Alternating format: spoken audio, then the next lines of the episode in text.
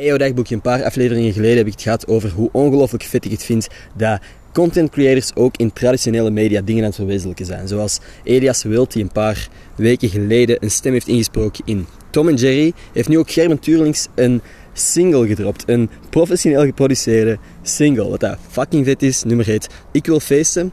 Oprecht, ik vind het oprecht een lekker nummer, anders zou ik het niet zeggen. En dat deed me gewoon denken aan de eerste keer dat ik Gerben ben tegengekomen, had hij 3000 volgers op Instagram en iets meer op TikTok.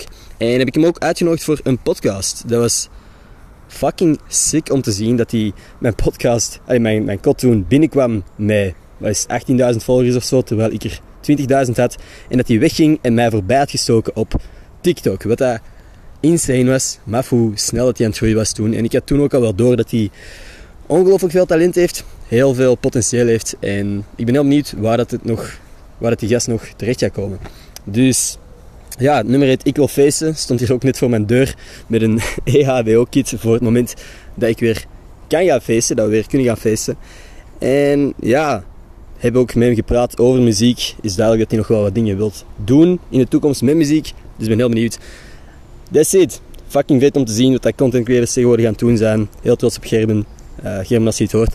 Love you man. That's it. Tot volgende ik had tot volgende maandag zeggen, maar gewoon tot morgen. Joejoe!